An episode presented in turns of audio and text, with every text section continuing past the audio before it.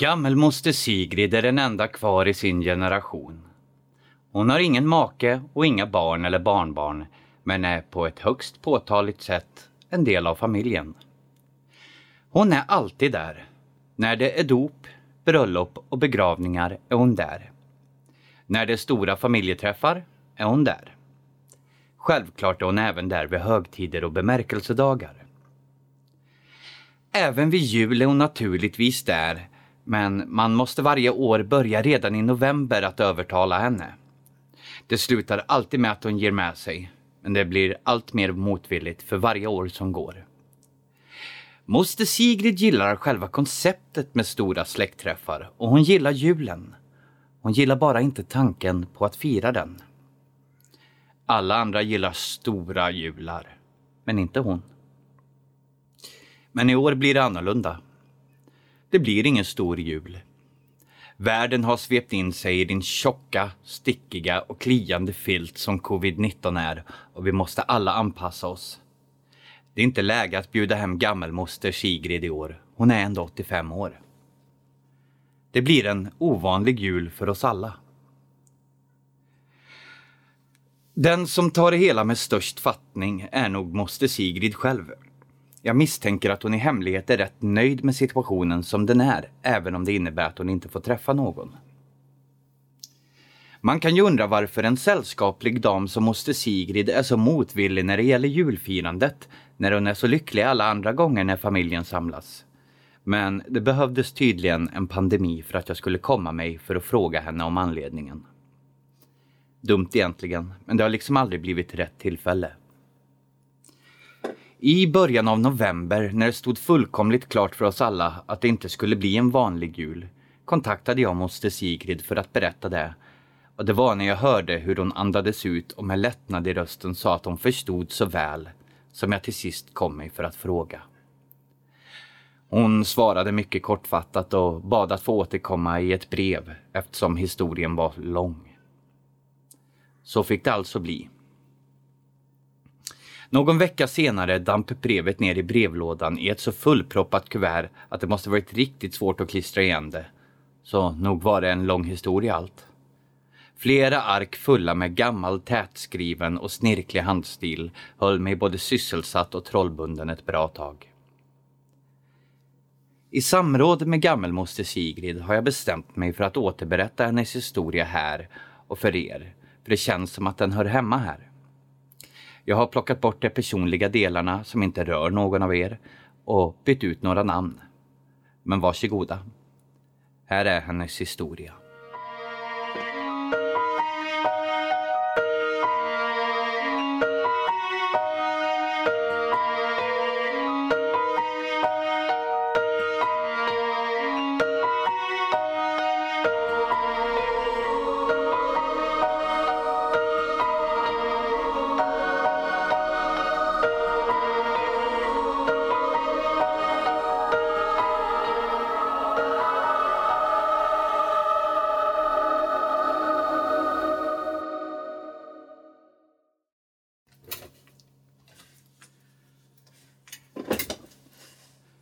Sigrids julsaga.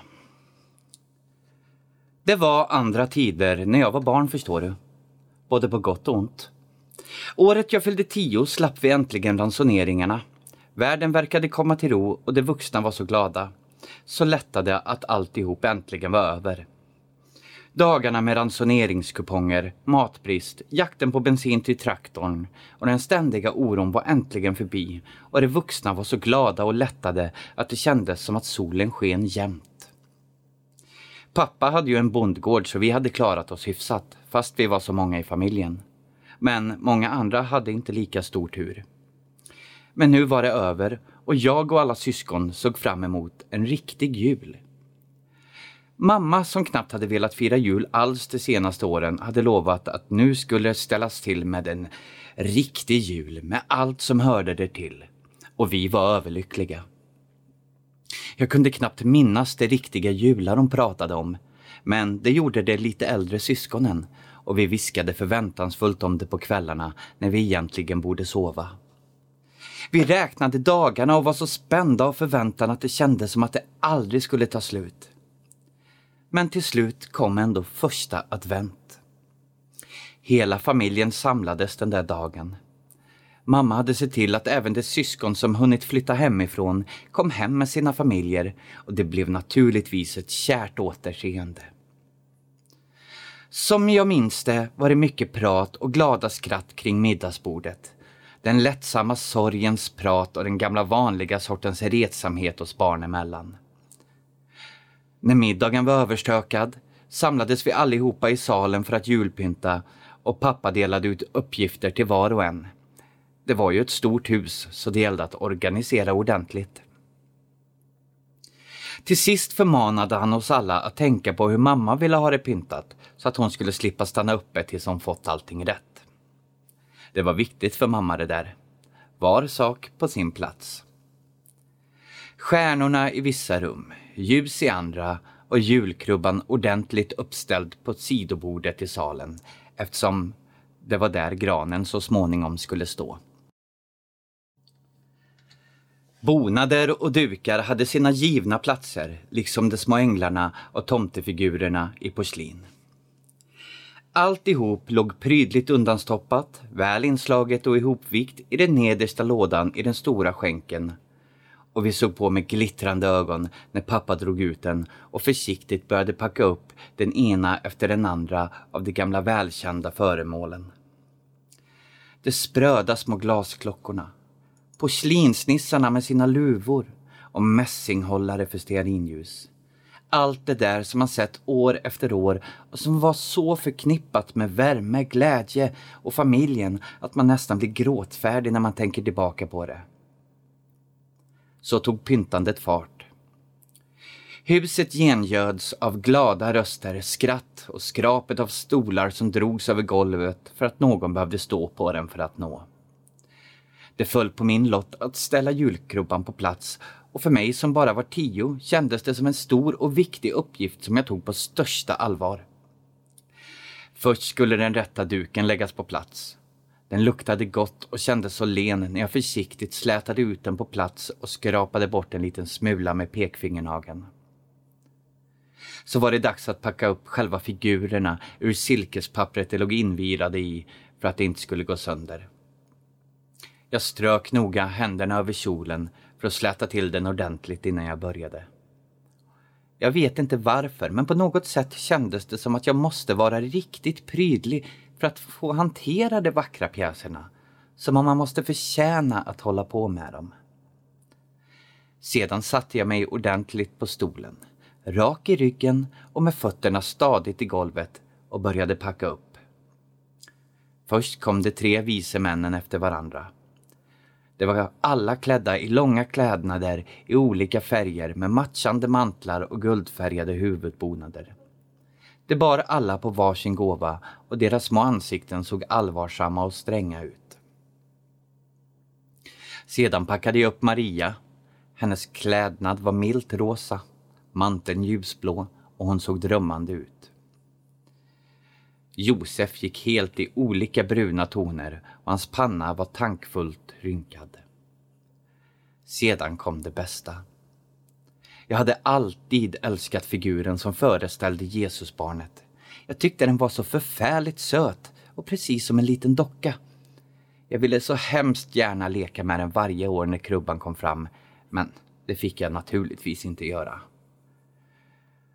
Därför var det nu väldigt spännande att alldeles själv få packa upp figuren och hålla i den lite extra mycket. Försiktigt veckade jag upp det tunna papperet och såg den lilla figuren där i min hand. En liten och alldeles perfekt kopia av en liten bebis med rosig hy och ett litet tygstycke i ljust grön färg lindat kring sin lilla kropp. Ögonen var stängda. Det föreställde att han sov en rofylld slummer med den lilla munnen stängd. Jag vände och vred på den en stund eftersom jag äntligen hade chansen och faktiskt fick. Men sedan la jag försiktigt ifrån mig den och packade upp krubban. Figuren sov ju. Han behövde sin säng. Nu var alla figurer upppackade och det var dags att ställa krubban på plats. Jag trodde att det skulle vara roligt. Som att leka med ett dockskåp ungefär föreställde jag mig. Men riktigt så blev det inte. Först ställde jag Jesusbarnet i sin krubba på plats. Sedan Josef och Maria. Men när jag skulle ställa de tre vise männen på plats blev det plötsligt svårt. Jag visste inte hur de skulle stå och kunde för mitt liv inte minnas hur det brukade stå. Jag försökte med lite olika placeringar men ingenting kändes som om jag kände igen det sedan tidigare jular. Till slut visste jag varken ut eller in och började känna mig olustig. Varför blev det inte rätt? Det kändes som att figurernas stränga blickar följde varje rörelse jag gjorde, varje försök som misslyckades att få det rätt. Så jag gjorde som vilken annan flicka som helst skulle ha gjort. Jag gav upp och ropade på mamma. Jag lät nog en aning mer panikslagen än vad som var nödvändigt när jag ropade, är jag rädd.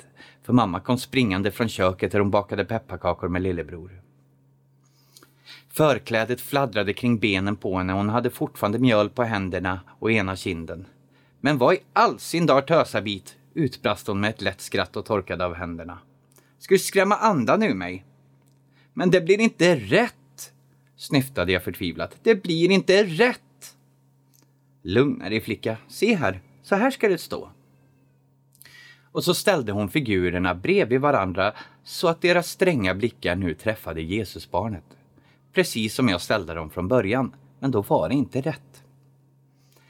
Jag fick en kram av mamma och beröm för att jag gjort så fint. Allt kändes bra igen efter det. Jag till och med strök med fingret över den söta bebisfigurens kind en gång och mamma vände sig om för att gå tillbaka till köket.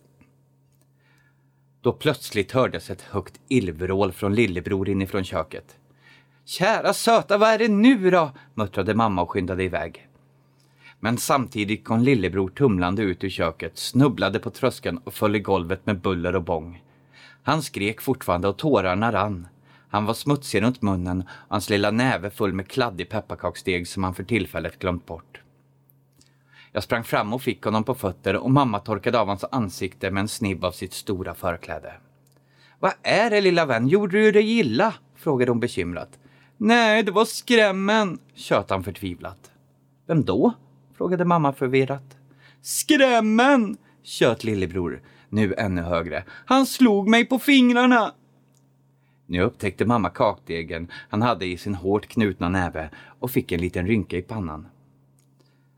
Har du tagit kakdeg, lillebror? Det vet du att man inte får. Kanske var det därför skrämmen slog dig på fingrarna. Hon tog kakdegen ifrån honom och vände sig till mig. Ta med honom till badrummet och hjälp honom att tvätta av sig.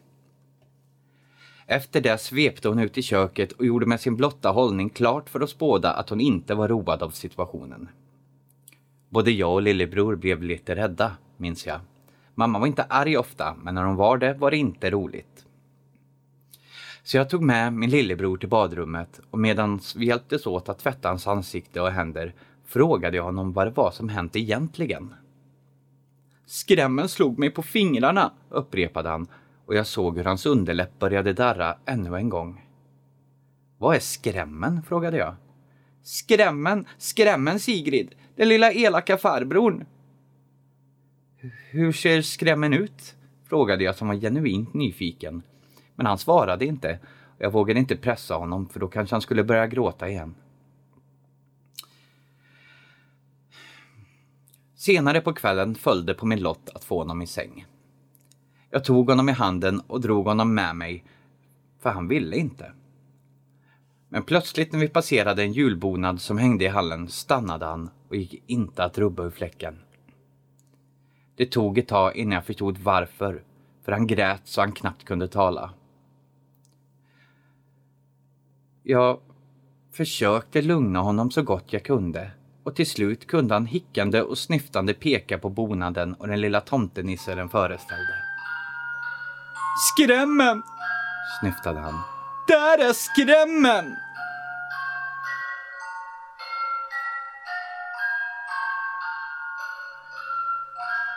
Ni har nu hört första delen av Sigrids julsaga Första advent. Skriven av Michaela Smith. Nästa advent så kommer del två, andra advent av Sigrids julsaga. Och kommer att fortsätta så varje advent fram till julafton. Vi hörs då. Tack för att ni lyssnar.